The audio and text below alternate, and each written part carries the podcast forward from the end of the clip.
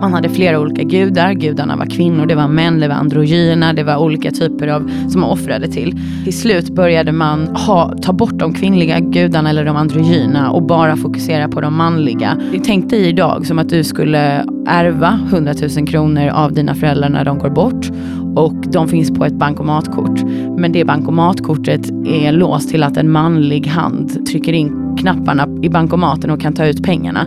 För kvinnor fick inte röra sig med det. Så i princip så ägde man ändå ingenting. För om inte du fritt kan välja vad du vill göra med dina resurser så har du ingen fri vilja i samhället ändå. Liksom. Så det var äktenskapet, men det var en av grunderna för att eh, kontrollera kvinnan. Liksom. Ja, i historien finns ju massor med fakta som visar på hur vi kontrollerat kvinnor och även aktivt fråntagit dem makt. Och det är något som jag och Louise Arvidsson pratar om i veckans avsnitt. Hon har skrivit en bok om morgondagens könsroller. Men för att kunna skapa dem så måste vi ju också förstå gårdagens könsroller och hur olika aspekter påverkar varandra. Vilken dominoeffekt har olika händelser i historien på det som många av oss upplever idag? För vi vet ju att faller en bricka, ja, då faller flera. Det här är med andra ord ett avsnitt som kommer, hoppas jag i alla fall, kunna skapa mer förståelse för vad vi har framför oss genom kunskap om vad vi har bakom oss. Och innan vi drar igång avsnittet, ja, då ska jag precis som vanligt tacka Excitec som fortsätter att sponsra podden. Men nu, kära lyssnare, precis som vanligt, rätta till lurarna och dra upp volymen. För här kommer ett avsnitt med Louise Arvidsson.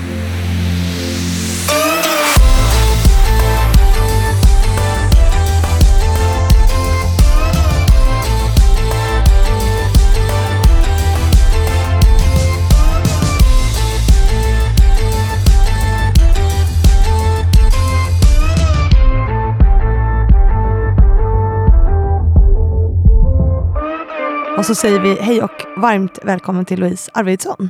Hej! Varmt välkommen hit. Applåder, tjoho, jag har kastat in dig här. Hur känns det? Nej men Det känns bra. Lite ja. läskigt, man är lite ny på det här. Men eh, jag tror det kommer, det kommer bli bra. Det kommer, um, du är en härlig prick som man har följt ett tag. Och ja. Eh, sådär, alltså. Gillar ditt jobb. Så. Ja, vad roligt. Ja. För Det är så kul, för det här börjar ju faktiskt med ett mejl. Jag kollade det här innan, mm. eh, innan du kom hit. Eh, att du skrev till mig, hej jag är 26 år. Eh, det här var den 4 oktober 2021. Mm.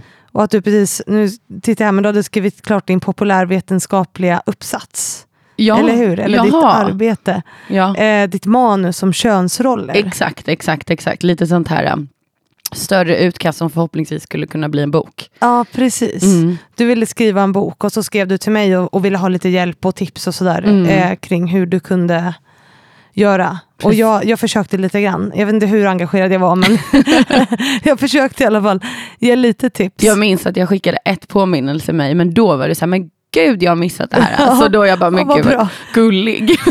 men eh, ja, nej, du gav en, en del tips och sådär och det var nog bara en känsla av att shit, hon var ändå lite engagerad, vad kul, alltså när man kommer från ingenstans. Så. Ja, ja, vad bra. Jag får en del mejl, eh, så det händer ibland ja, att jag missar. Jag köper det fullständigt. jag, försöker, jag försöker svara på alla mejl.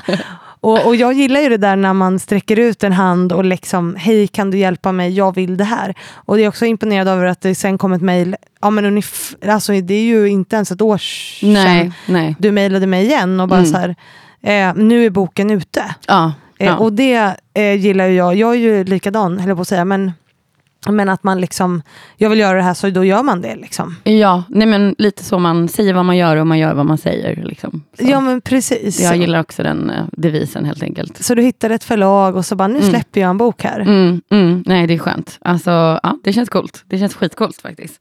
Och eh, framför allt med den responsen jag fått från såklart att familj och nära vänner är positiva. Men mm. när man eh, får eh, en gedigen feedback som verkar genuin mm. så känns det värdefullt mm. och eh, att man har lagt tiden på rätt sak. Så mm. det är kul.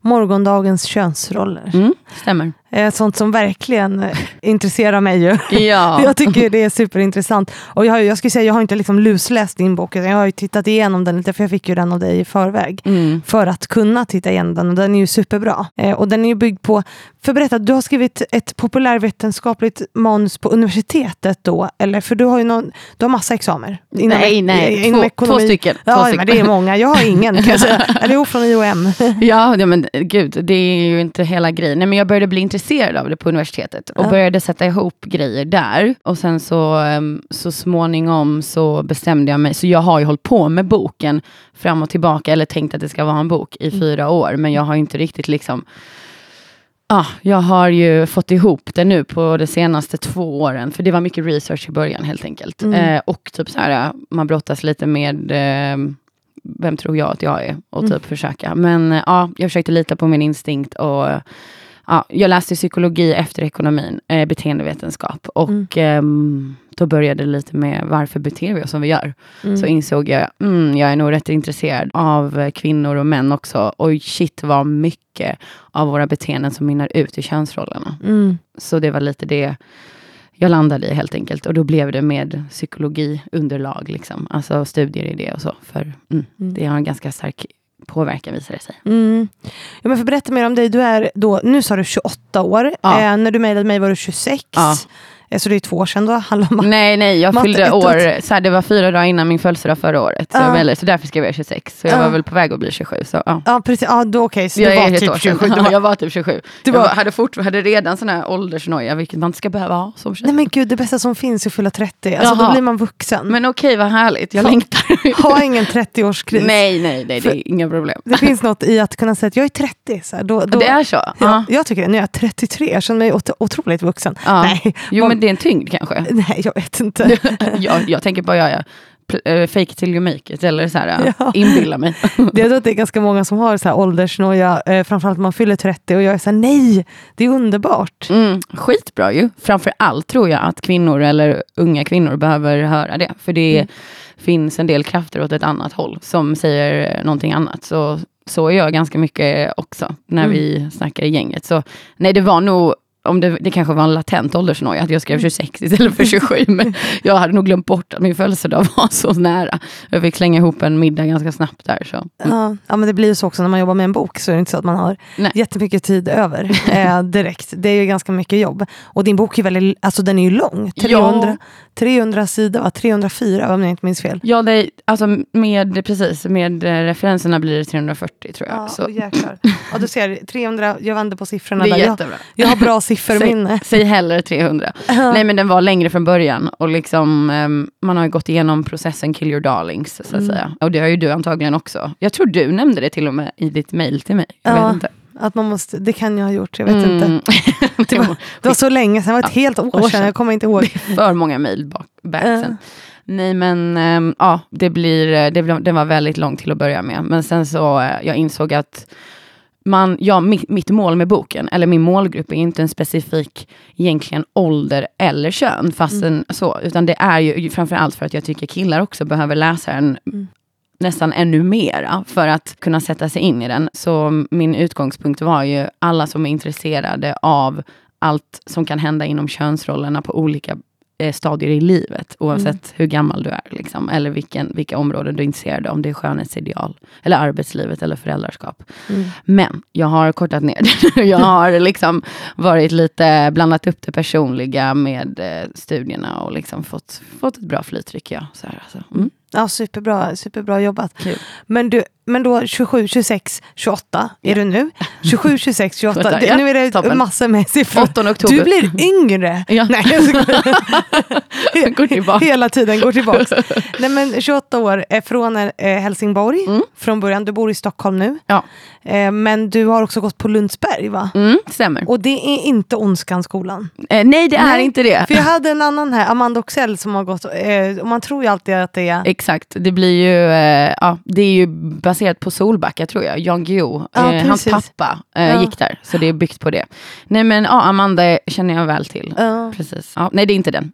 Nej, men det är ändå som du skrev, om, jag tror att det var i ditt mail som du skrev det till mig att eh, jag har gått på Lundsberg och liksom det var mycket patriarkala strukturer och sådär. Jag fick känslan av att det var någonstans där som det växte, eller hur? Ja, nej det började tidigare, absolut. Ja. Men en del, alltså Lundsberg, jag måste bara först säga att det är en fantastisk miljö och ja. skola också. Och jag hade skitkul. Mm. Sen kan jag tänka mig att um, alltså, um, det kanske inte alltid för alla. Och så. Och ja, det, men det är ju en kon, mer konservativ miljö. Och det är den jag också ville komma in med, att jag har vuxit upp lite i den. Och det kanske är lite annorlunda, att man har den approachen som jag har haft. Liksom. Mm. Den bygger ju på det engelska internatet från början. Mm. Det är ju totalt patriarkala strukturer. På Eton är fortfarande inte tjejer till välkomna. Och där ifrån kommer de flesta mm, premiärministrarna i England till. Så att ja, det är, det är väl inte att det var det på skolan, men mer att eh, jag kunde känna av det i liksom, ja men hur man, de traditionerna ibland som man liksom förhåller sig till. Mm. Men jag minns att min husmor, som det heter, sa till mig verkligen att det är så fantastiskt Louise att du typ kör ditt race liksom. Och som du hörde innan, jag har ju vänner jag är jättenära alla mina vänner där, så det är inte det att jag körde mitt race och inte blev en del i gänget, liksom, utan ja, jag var, kunde vara mig själv ändå. Så att, Vad innebar det? Liksom? Mycket sport, mm. eh, väldigt mycket sport, och det är väldigt sportfokuserat, vilket är kul. Men också um, kanske inte alltid gå med på, liksom, hänga med på alla grejer som inte, om det inte kändes rätt för mig. Liksom, att eh, ja, men, gå och um, var, liksom hänga med killarna på det andra hemmet om inte jag ville det. Jag kände ingen liksom, press till det. Eller så här. Det var ju ingen som pressade, men jag kan tänka mig i den åldern att man är väldigt formbar. Så mm. man kan påverkas väldigt mycket av um, just ja, de uh, strukturerna runt omkring och man förhåller sig till gruppen ganska mycket. Så jag försökte lyssna till mig själv. Men jag tycker ändå att vi, gänget jag har idag, vi, um, vi är väldigt olika karaktärer och mm. det är fint att vi kunde, har vi kunnat behålla dem. Liksom. Så, mm. Men med det sagt så um, kanske inte Lundsberg, men just adelsmiljön och det som liksom, alltså är eh, Sverige byggt på från början med eh, Gustav Vasa och Sten Sture och sen liksom och Stockholms blodbad och sen den liksom kungariket i form av kungar och gudar som, som liksom var förenade tillsammans. När det formades 1500, 1520 gick han till makten, Gustav Vasa, då det byggde väldigt mycket på de patriarkala strukturerna och mm. i Riddarhuset idag, som tillhör adeln, där får ju inte kvinnor rösta överhuvudtaget. Är liksom, Fortfarande? Ja, precis. Mm. Det är ju från 1600-talet som de instiftade det. Så det är ju liksom det är ju lite den miljön. Men det händer grejer och det är kul. Och på min bokrelease nu kommer flera lärare komma på den och liksom de är jätteintresserade av att jag ska hålla en föreläsning. Så att mm. allt är möjligt. Alltså det är, rörlig, det är ändå rörliga tider nu och det är kul att se. Liksom. Och, men det har behövt lite, det behövs lite mod från min sida, tycker jag ändå, att sticka ut lite grann. Så mm. um, det har varit lite läskigt, men det är kul. Var hittar du det modet då? typ så här naivitet och... Behåll barnasinnet. exakt, exakt. Nej men jag, eh, ja, jag har bara nog alltid haft den här eh, drivkraften lite på gott och på ont och varit lite obstinat bara. Mm. Inte alltid köpt allt som alla sagt eller eh, så. Och det tycker jag är en nyttig inställning som man ska ha. Liksom. Framför allt som är ung tjej. Liksom. Så det tror jag har gynnat mig. Men det skapar ju också friktion i sociala relationer och samtal och sådär. Och det måste man ju vara beredd på att ta. Men om jag skulle säga liksom en person så är det ju som liksom, ja det är min mamma, 100%. Hon har varit så sjukt cool och inspirerande person för mig. Och jag in, just att du heter förhandlingsförebilder. Ja.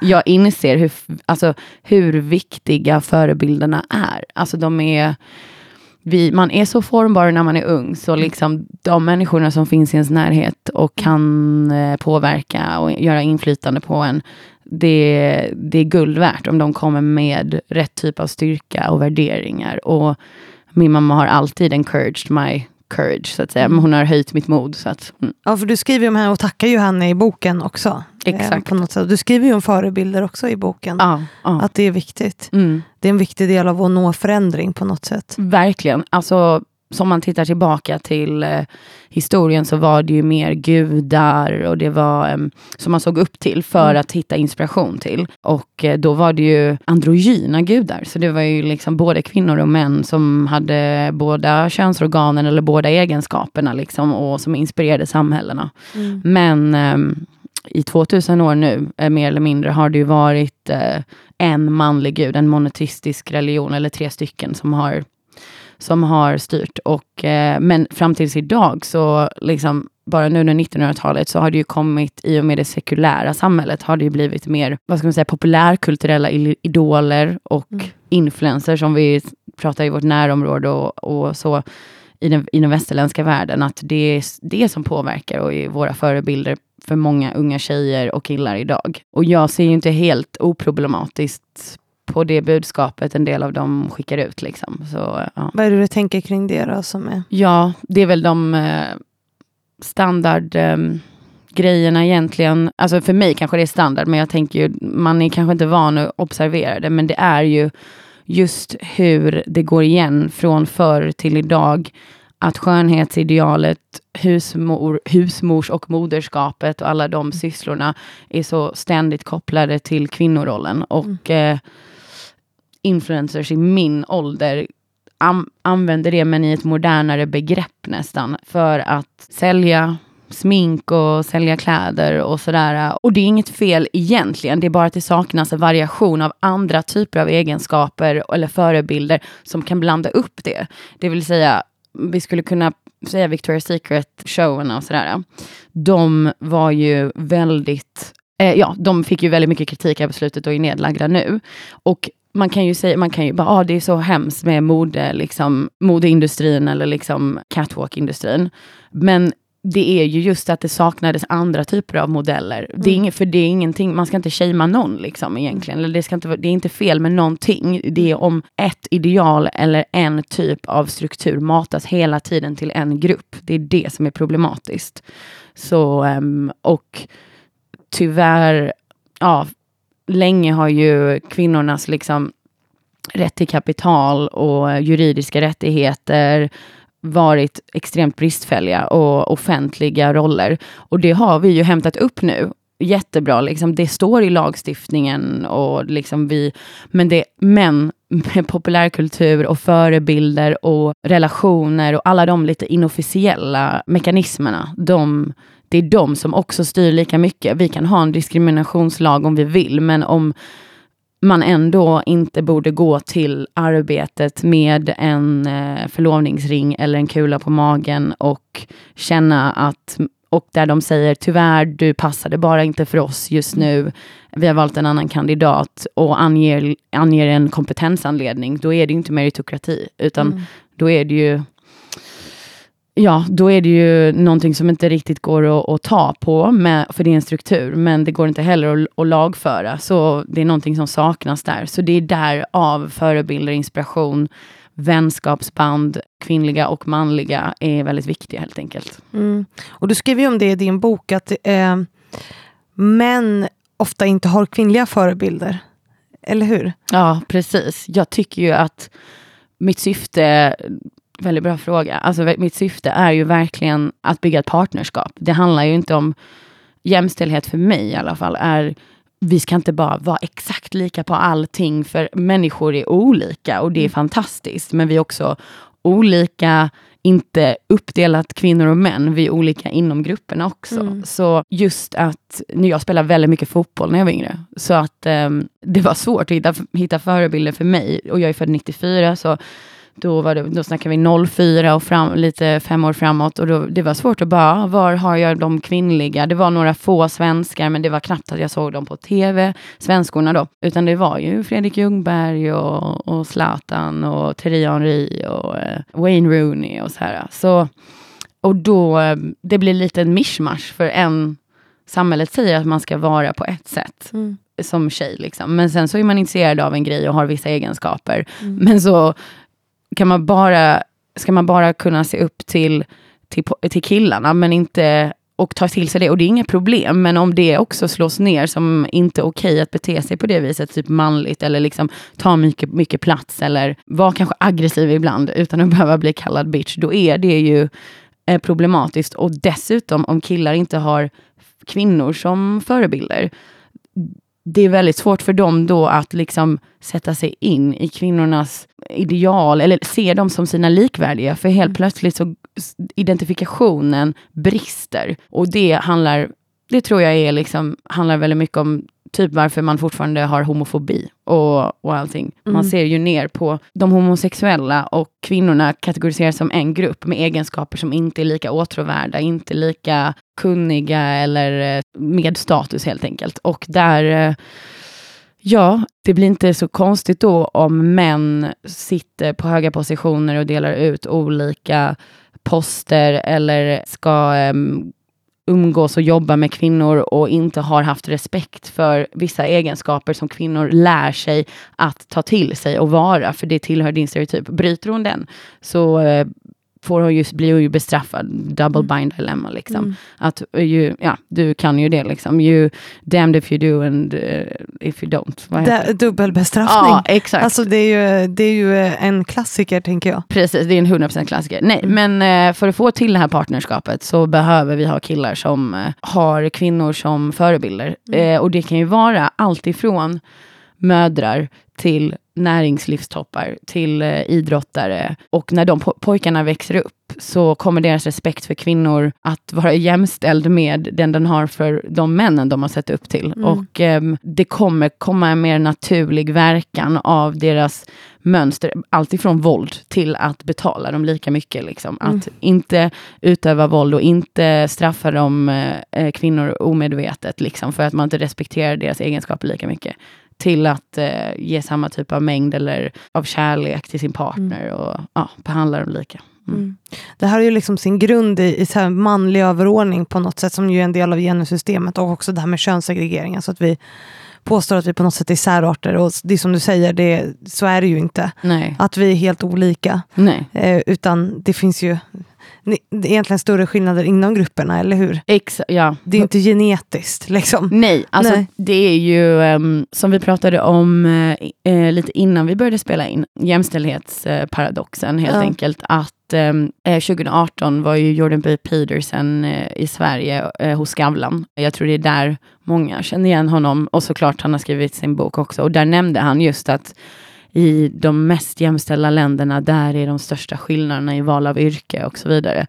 Och, ehm, Ja, för det här är så intressant. Mm. Jag tänker att innan du fortsätter mm, så måste du utveckla lite vad han, mm, eh, för det är väldigt många, eh, framförallt män som Mm. jag pratar med, som refererar och använder Jordan B. Peterson som en feministisk ikon.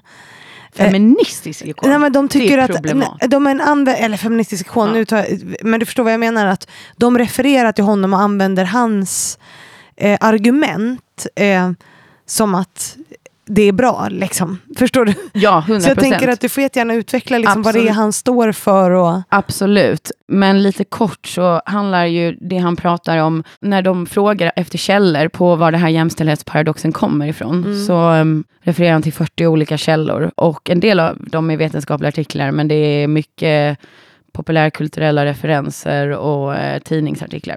Nej men han, han har ju blivit någon slags, så, eh, slags ikon för eh, vissa kanske vilsna män. Han har väl varit liksom tagit på sig den rollen att eh, jag ska vägleda er åt ett eh, visst håll. Det ska bädda sängen och det ska vara militära discipliner. Men sen också så rör han sig mycket inom eh, genusfrågan. Och han eh, är ju psykolo- han är psykologiprofessor i grunden och han tar ju liksom en viss approach där jag det är ganska problematiskt, i, för han är ganska auktoritär i sin framtoning. Så jag kan tänka mig att det är därför också män vill använda honom som någon typ av slag, eller han vill använda det som någon typ av liksom skandera hans namn för att berätta hur det faktiskt ligger till, eftersom han är ju en motkraft. Och jag tror om man är en person som letar ehm, bevis mot feminismen eller liksom något sånt, så kan, kan man använda sig av honom. Men den jämställdhetsparadoxen, han är ju inte den som har kommit på den, men han är ju han har ju blivit känd i samband med den. Och ehm, det han säger, eller det de säger i forskningen är ju att, då, att ju mer jämställda vi är i ett land, desto mer olika väljer vi. Alltså vi väljer våra inneboende eh, i mer outvecklade länder så mm. eh, har man det tuffare liksom med eh, då vatten och så och då kan man inte riktigt välja vad man vill göra utan eh, då förhåller man sig bara till de reglerna som finns. Men när plötsligt man har typ löst de första delarna av Maslows behovstrappa så kan man gå ut och, ut och liksom förhin- för, hitta sig själv och då mm. väljer kvinnor och män totalt olika. Liksom vi har 80-90% av dem i sjukvården som är kvinnor och eh, i finansvalparnas eh, område så är det tvärtom. Liksom. Och det är ju så intressant för många av de studierna bygger ju på personlighetsskillnader, vilket är självskattningstester. Mm. Och de testerna först och främst, det är lite så här problematiskt om när vi subjektivt ska bedöma oss själva utifrån vad vi tycker att vi är, hur bestämda vi är. Och sen om man tittar, alltså hur bestämda vi är, eller hur roliga vi är, eller hur mycket vi bryr oss om andra. Vi har ju också en idé om hur vi vill vara och det kan finnas en så kognitiv dissonans mot mm. vad vi faktiskt vill vara och vad vi faktiskt är. Vad handlingarna, det kan finnas en skillnad i handlingarna där. Eh, och det finns massa studier på det också, vilket är, gör att man kan verkligen typ debanka den här eh, jämställdhetsparadoxen på många olika sätt. Men eh, jag skulle väl säga att min bok på många sätt om man går igenom alla, den heter ju också Från vaggan till graven, så mm. hur, hur, hur det skiljer sig om man är född med en vulva eller penis. Liksom. Ja. Eh, explicit.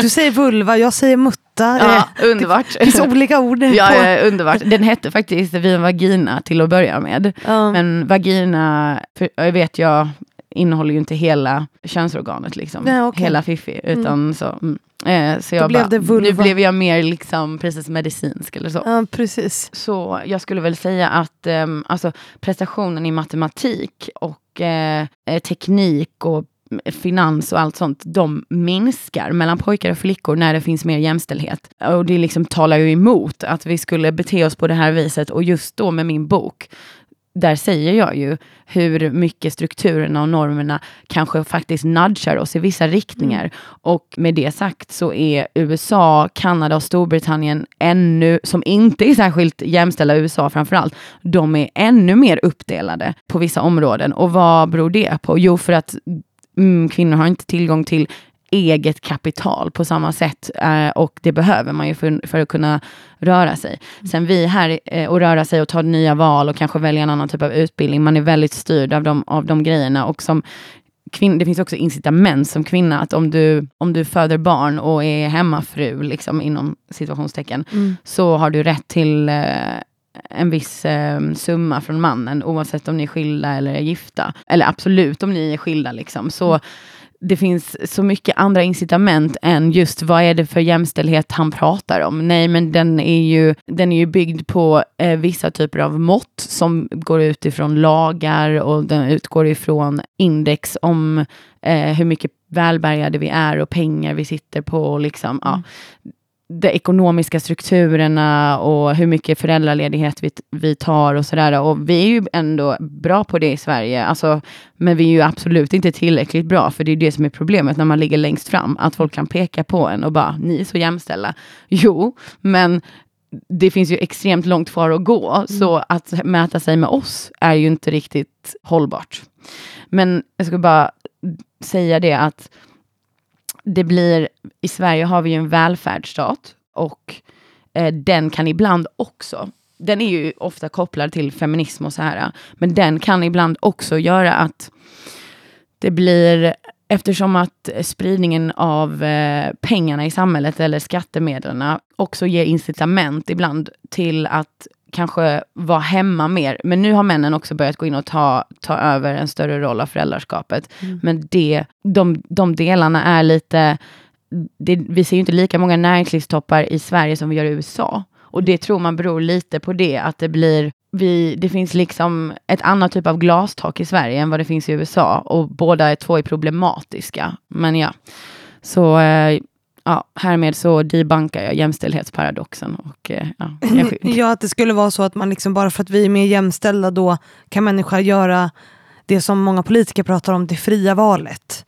Eh, men det påverkas ju av strukturerna och normerna. Alltså, så att vi, vi, egentligen så har vi ju inga fria val. Eller så här, varken män eller kvinnor. Nej. Det blir ett konstigt... Begrepp liksom. Vi är Ja. ju inte tabulurasa liksom. Vi är inte födda med, eller vi är, om man- om man tycker att vi är födda så här tabulurasa, alltså som en ren tavla. Liksom. Mm. Och vi själva bara målar dit eh, de, de viljorna och allting vad vi vill göra. Och så här. Mm. Att inte tro att eh, samhället har en stor inverkan på hur vi vill bete oss och gruppmentaliteten, hur extremt stark den är. Mm. Då, eh, det är att lura sig själv helt enkelt. Det är liksom, då, då gör man liksom walkover på hela, hela tanken om att eh, vi är djur liksom, med Mm. gruppmentalitet. Och eh, det, sträck, det skriver jag om i början, att det sträcker sig långt tillbaka Mm i tiden. Och um, kunde inte du förhålla dig till gruppen så uh, var det ju lika med en död. Så de som har överlevt med våra, våra beteendenormer, de är ju de som känner att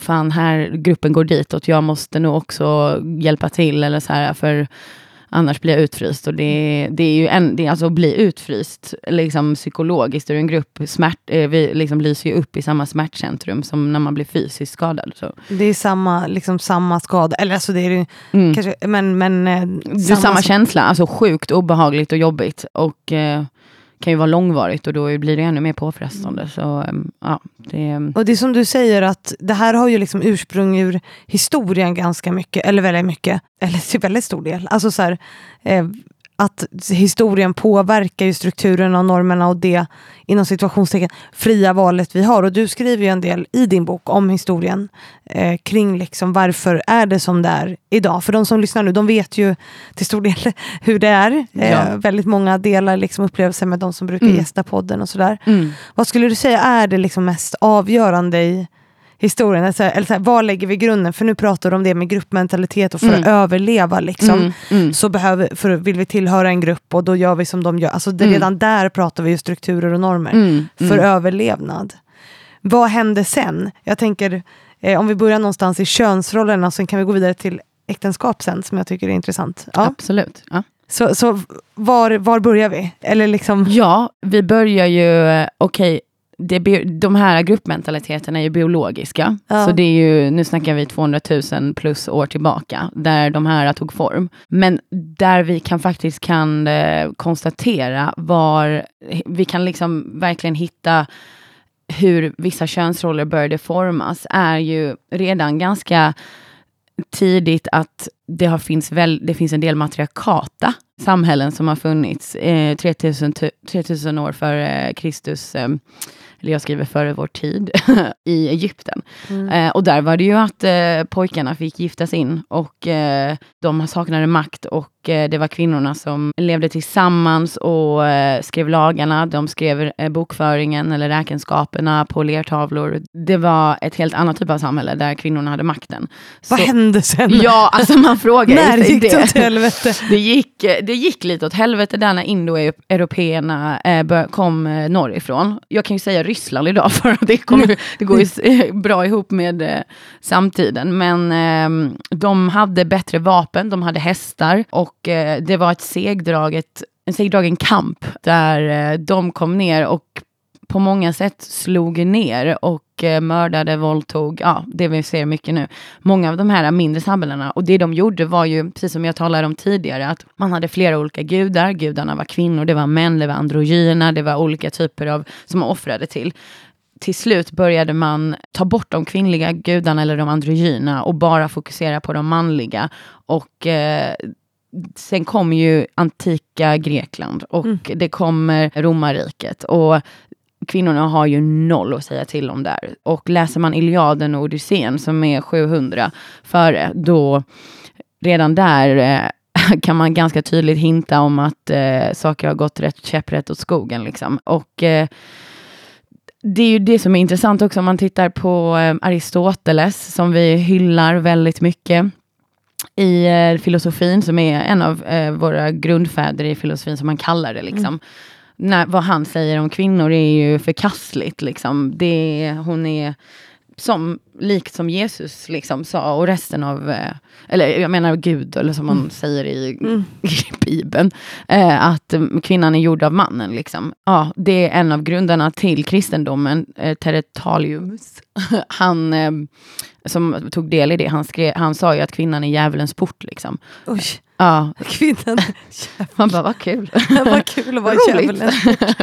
alltså det är viktigt att och liksom då tänka att när halva populationen till, här inte, det, och sen kommer ju Gutenberg och när tryck, tryck, tryckeriet börjar komma igång, mm. det är ju tusen år efter först, men då kan vi börja få ner grejer och de som sitter på makten då, alltså skriva ner vår historia, de som sitter på makten då är ju är ju män. Liksom. Men det som är spännande är ju fortfarande att kvinnor syns i historien på vissa små håll. Och att de har tagit plats är ju bara rätt remarkable. Mm. Eftersom att med tanke på de förutsättningarna de föds med så är, det, är sträckan ännu längre att ta sig upp till toppen. Liksom. Mm. Nu har vi hel, heliga Birgitta i Sverige och lite sådana grejer. Men vi har ju um, Mary Wollstonecraft under 1700-talet och sådär. Vad och, gjorde hon för något? Alltså det var en upprättelse för kvinnors rättigheter. Hon eh, var brittisk, men hon blev ju, alltså hon var ju inte hyllad under sin tid, det var först efteråt som när en man tog sig an hennes texter och ställde sig på hennes sida som de fick spridning. Eh, men hon blev ju våldtagen och tvingad till abort och blev, eh, ja, inte, alltså Ja, hon blev eh, inte stympad, men liksom mun, alltså de ville muntligt stympa henne på många olika sätt och liksom eh, skapade en horstämpel runt henne och sådär. Och, mm. Eh, så. Eh, men det är väldigt sent in i historien. Så, ehm, ja, på 1700-talet. Ja, och det är ju se väldigt sent. Det är ju det många glömmer. Vi tänker, åh gud vilka coola, vilket vi har, många coola kvinnor under 1900-talet som har gjort jättemycket spännande discoveries, alltså upptäckter eller, eh, och så. Men som har börjat premieras för det och inom forskarvärlden och eh, kämpar överlag. Men långt tidigare, utan att vi vet om det idag, är jag övertygad om att det är många kvinnor som har tagit mycket plats och tagit eh, stora roller, men fått styra liksom där bak. Och där kommer ju lite den här uh, skeva tanken om bakom varje framgångsrik man står en kvinna, typ. Att, mm. att kvinnan är manipulerande mm. eh, på något sätt. Men det beror ju på att... Eller stöttar i hemmet. Ja, ja. alltså precis. Ja. Hon, hon saknar makten liksom. Så mm. att um, hon gör det hon kan för att påverka sin egen situation. Och eftersom man inte kan göra någonting aktivt själv, man har inte rätt till kapital, man har inte rätt till arvegods och sådär. Så kan man inte heller påverka någonting annat än genom männen. Mm. Men jag skulle säga en, en grej är ju kärnfamiljen, mm. eller um, pater familias. Och jag håller ju familjen väldigt kärt och allt sånt där och det gör vi alla. Och, mm. uh, de, men man började, när man började kontrollera kvinnornas sexualitet det var en grundbult. Och det började man med redan för, ehm, jag skulle säga, man började bruka jorden 10 000 år sedan. Och därav, in i det så blev det att man var tvungen att börja skapa samhällen som liksom små samhällen som faktiskt där det gick att förstå när en person ägde, vilket var en man, ägde jorden eller ägde det som eh, man skapade av jorden. Det blev ju, vem ska jag ge det här till sen? Mm. Och ja, jag ger det till nästa generation. Men kvinnan är ju den som föder barnen. Så jag vet inte vilket är mina barn och andras. Då blir det väldigt viktigt att börja kontrollera hennes sexualitet mm. och vilka hon har sex med. Och då och kedja fast henne vid spisen för att annars så visste man inte vilka barn som var sina. Så där kommer hela horstämpeln in och den är ju tidig. Hora madonna eller liksom? Ja, ja, ja, ja, ja, verkligen. Alltså så här, antingen är du eh, Ja men det är ju bara absurt liksom med Maria. Alltså att hon skulle vara, hon skulle föda Jesus utan att ha legat med någon. Alltså, liksom. Nej hon var oskyldig. Ja exakt, ja. fantastiskt. Väldigt rimligt. Och då var det ju väldigt viktigt att pusha på det, att ha den här kyskheten hos kvinnor. Och det har varit en extrem, alltså det är så viktigt att komma ifrån de, de stämplarna idag med um, kvinnor, kvinnors sexualitet. För det är någonting vi, man det är en sån intim sak att, att inte ha kontroll över sin sexualitet påverkar psyket, påverkar ditt mående, påverkar dina handlingar. Det liksom äter sig in i väldigt, för det är en sån basal, ett basalt behov, en basal intim sak vi alla har. Liksom. Så att, när någon, när någon styr eller kontrollerar pratar om det på ett visst sätt med den basala intima och du inte känner att du har kontroll över mm. Då, då det, det sätter sådana extrema eh, spärrar i dig. Nej men så det är väl, eh, ja, det finns mycket som du hör, som fortfarande vi lever kvar med idag tyvärr, som man kan känna igen sig Ja, för förr så var det väl också så att när man ingick äktenskap med någon, då, var då ägdes man liksom av sin man. Eller så då var det, mm. det är det du säger, kedja fast vid spisen, men det var ju min egendom, ja. alltså på något sätt. Gud ja, och det vet vi ju, alltså det är där äktenskapet, liksom, det var ju dens roll väldigt länge. Alltså det var en konstruktion som skapade egentligen mer maktmedel för den mannen som hade döttrar. Och eh, du är ett verktyg i, der, i deras system. Mm. Och så är det fortfarande på många håll i världen idag. Det är ju 22 000 barnbrudar. Det, finns fortfarande, det är så obehagligt att det fortfarande lever kvar vissa strukturer. För att när man inte pratar om rapporten som Ownership skrev bara i år, där man pratar om hur pengar är fördelat över könsroller, eller kvinnor och män, och hur lite kvinnor egentligen fortfarande äger när det kommer till skog, mark, fastigheter, fritt kapital, aktiemarknaden. Det är ju absurt och det, det bygger ju, det kommer ju därifrån att mm. du, så när man ehm, till exempel med ehm, att ärva någonting under 1300-talet, 1400-talet, om du hade den turen och var kvinna, eller var flicka till att börja med, då hade du ju inte tillgång till det. Du fick först och främst bara en tredjedel av det arvet som dina bröder i så fall fick, om du tillhörde en sån prominent familj. Och sen så, du kunde bara få tillgång till den här uh, arvegodset, eller marken eller kapitalet, om du gifte dig, eftersom att du som, tänk dig idag som att du skulle ärva 100 000 kronor av dina föräldrar när de går bort och de finns på ett bankomatkort. Men det bankomatkortet är låst till att en manlig hand trycker in knapparna i bankomaten och kan ta ut pengarna. Mm. För eh, kvinnor fick inte röra sig med det. Så i princip så ägde man ändå ingenting. Eh, för om inte du fritt kan välja vad du vill göra med dina resurser, så har du ingen fri vilja i samhället ändå. Liksom. Så mm. det var äktenskapets ganska mycket, alltså såklart att det är ceremoniellt och traditionellt, och liksom, men det var en av grunderna för att eh, kontrollera kvinnan. Liksom. Alltså då har vi pratat om att vi plockar bort liksom kvinnor ur historien eh, och därmed också liksom fritar, eller inte fritar, utan vi fråntar dem all makt. Eh, och sen har vi pratat om äktenskapets historia, att det också är ett sätt att kontrollera kvinnan. Sen så någonting som du också skriver om är ju skönhetsidealen. Alltså när kommer de in i... För de påverkar ju också så sjukt ja. mycket. Det är lite det med ämnena i boken, att jag försöker bygga alltså visa hur, vilken dominoeffekt varje, om ja. en bricka faller så faller väldigt många och de hänger ihop steg för steg. Så det finns en studie från 2018, en dansk studie, och där man går igenom, där man låtit ett AI-program gå igenom över tre miljoner volymer av böcker mm. och eh, från under 1900-talet fram tills idag och se hur man beskriver kvinnor och män, både facklitteratur och skönlitteratur. Och kvinnorna beskrivs ju, alltså på första plats kan man ju bara gissa, vad kommer där? Vacker. Mm. Och männen är, första plats är handlingskraftiga. Mm. Det är antingen att bli tittad på eller titta på.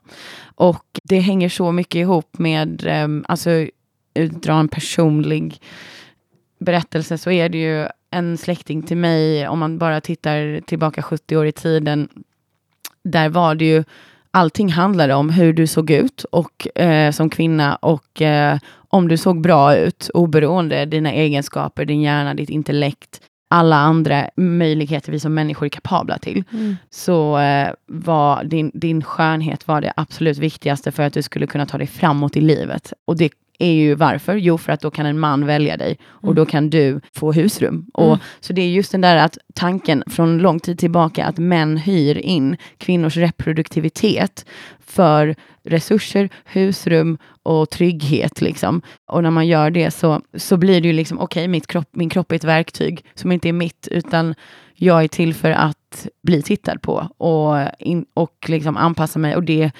igen tar väldigt mycket psykisk påfrestning. Så, nej. Och det går igen idag. Liksom. Alltså det finns väldigt stora incitament för tjejer fortfarande idag att förhålla sig till skönhetsidealen och mm. eh, en kvinnor, och det är, åker ju upp i åldrarna, liksom. man, det hänger med en hela livet. Och eh, när man går in i en studie så gick man in i eh, ett spegelfyllt rum och eh, man tänkte att ingen tittade på en, för man visste att man var själv. Men det var, det var ingen som tittade på en. Men det man skulle göra var att man skulle byta om från kläder till bikini och sen tillbaka. Och samma med männen från kläder till badbyxor. Mm.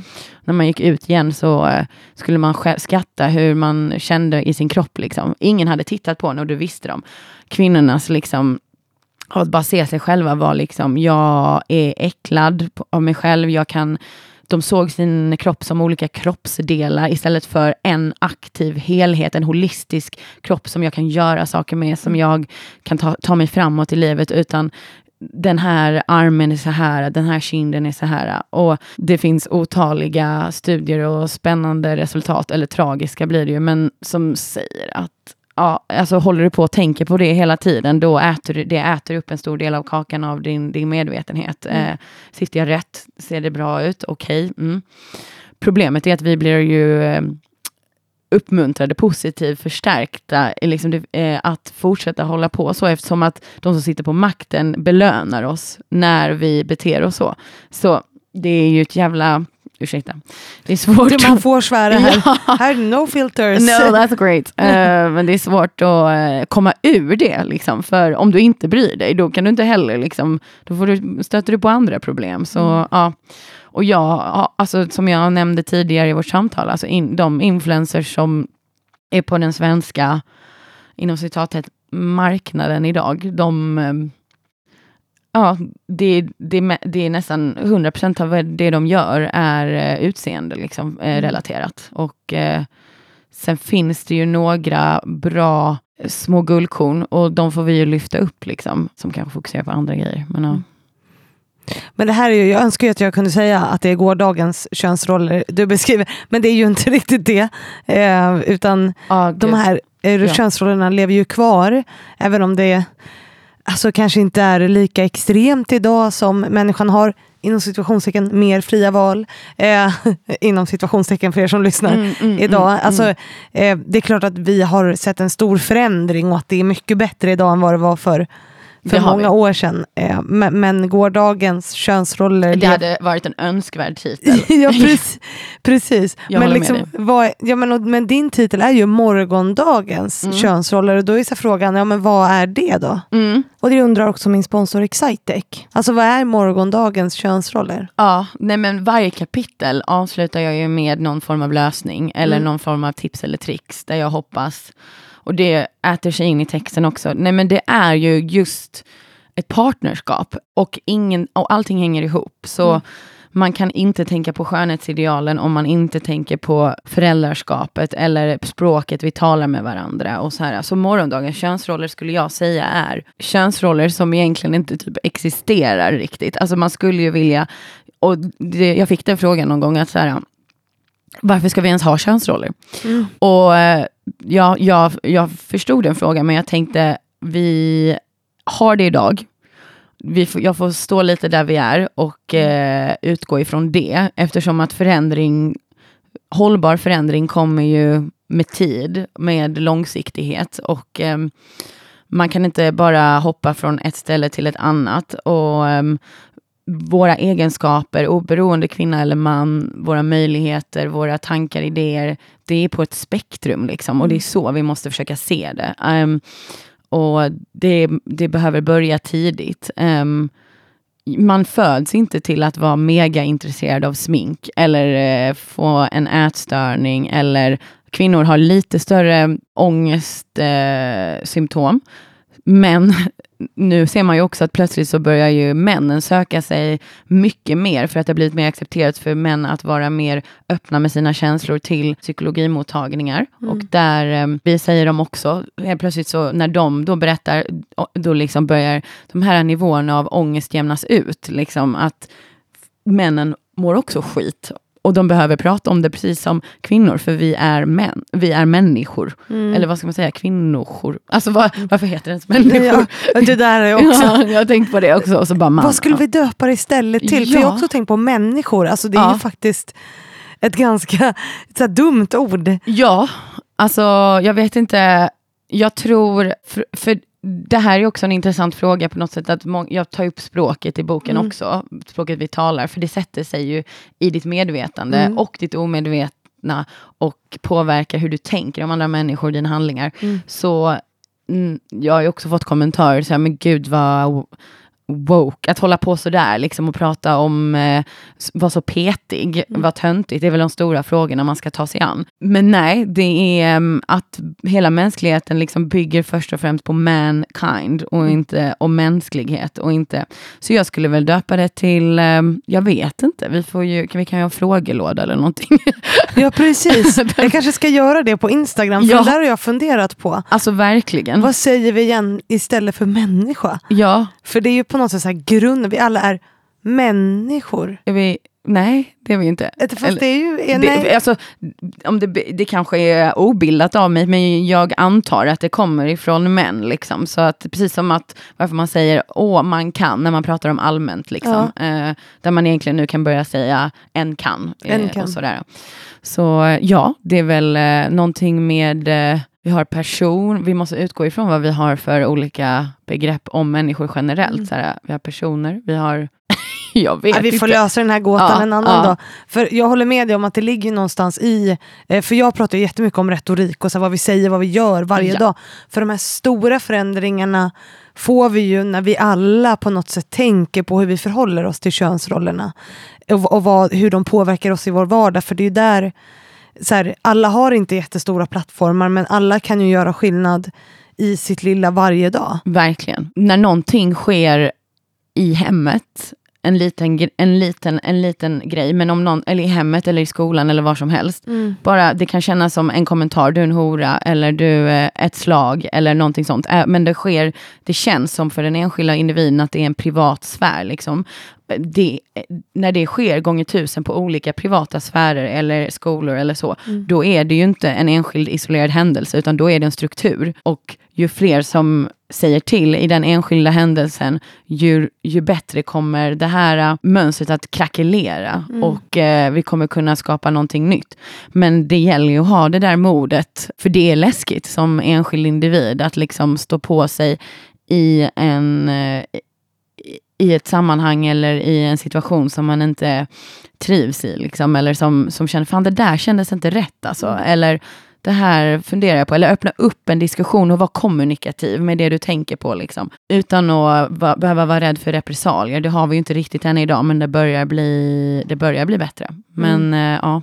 Att bryta normer kommer ju ofta med repressalier. Alltså, Mm, ja. det, det är ju... Det är därför det är normer från Ja. början. Och ja, precis, det är ju det som är grunden. Nej, men eh, retorik, alltså hur, hur vi talar med varandra är ju extremt viktigt. Och vad, om någon kallar dig um, woke eller petig eller vad som helst, köp inte det bara. Utan eh, det är här en allmän uppmaning att eh, säga ifrån. Liksom. För när jag har pratat med människor som har läst delar ur boken nu, de bara, men gud, jag har verkligen inte tänkt på det här.